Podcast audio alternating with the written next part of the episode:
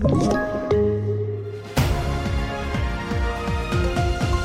TV4-nyheterna börjar med att det var en historisk röra i svensk politik igår när Magdalena Andersson först valdes till Sveriges första kvinnliga statsminister men när oppositionens budget röstades igenom bara timmar senare valde Miljöpartiet att lämna regeringen och Andersson lämnade då in sin avskedsansökan.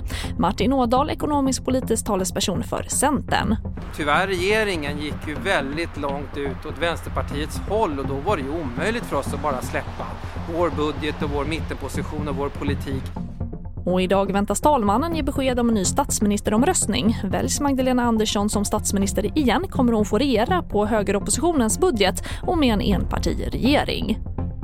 Och Folkhälsomyndigheten återinför så kallad familjekarantän. Det meddelade myndigheten igår, vilket innebär att den som bor med en person som har fått konstaterad covid-19 ska stanna hemma i sju dagar och testa sig. Och det gäller både vaccinerade och ovaccinerade oavsett om man har symptom eller inte. Och detta införs på grund av skenande smitta i grannländerna och att nya fall i Sverige också ökar. TV4-nyheterna i studion Charlotte Hemgren.